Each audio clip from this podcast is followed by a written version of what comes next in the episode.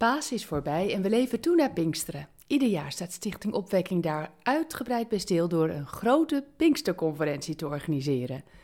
Dit jaar willen we vanuit Ik Wonde Jou samen met hen toewerken naar Pinksteren. En iedere vrijdag geef ik, Wilma Veen, de ruimte aan een van de mensen die op de conferentie spreken om een tekst met jou te delen. Ook zullen zij af en toe bij mij in de livestream zitten. En je kunt dat terugkijken via YouTube of gewoon live meekijken. En vandaag is het woord aan Jirska Albert. De Heer zei: Ik heb heel goed gezien hoe vreselijk mijn volk lijdt in Egypte. Ik heb gehoord hoe zij tot mij uitschreeuwen over hun slavernij. Ik ken hun pijn en verdriet. En daarom ben ik gekomen om hen uit de macht van de Egyptenaren te bevrijden.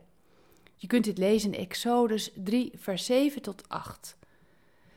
Misschien herken je het. Van beneden klinkt gehuil. Het is je kind. Je schat in wat je hoort. Een uh, het valt wel mee huil. Of een uh, oh, ik heb nu echt iemand nodig huil.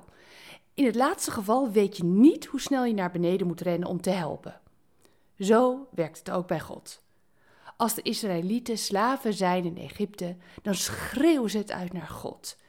In dat woord uitschreeuwen, sa'ak in het Hebreeuws, ligt in de grondtekst een vraag besloten: Hoort iemand mij wel? Of ziet iemand wat mij wordt aangedaan? Het is een hulpvraag vanuit het diepst van je ziel. Of je het nu uitschreeuwt op de toppen van je longen, of het uitschreeuwt in een fluistering diep in je hart. Jouw zielenkreet wordt door God gehoord. En het meest fantastische, hij hoort je niet alleen, maar hij doet ook wat. In de Joodse taal is horen en doen een hele logische combinatie. Als God zegt dat hij je hoort, dan komt hij ook in actie. God hoorde Israëls schreeuw. Hij daalde af en bevrijdde hen uit Egypte.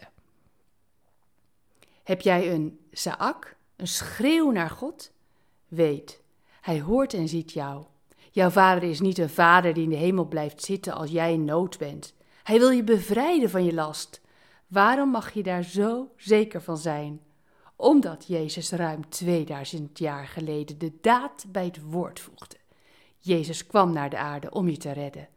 Ben je in nood? Schreeuw gerust en verwacht zijn redding.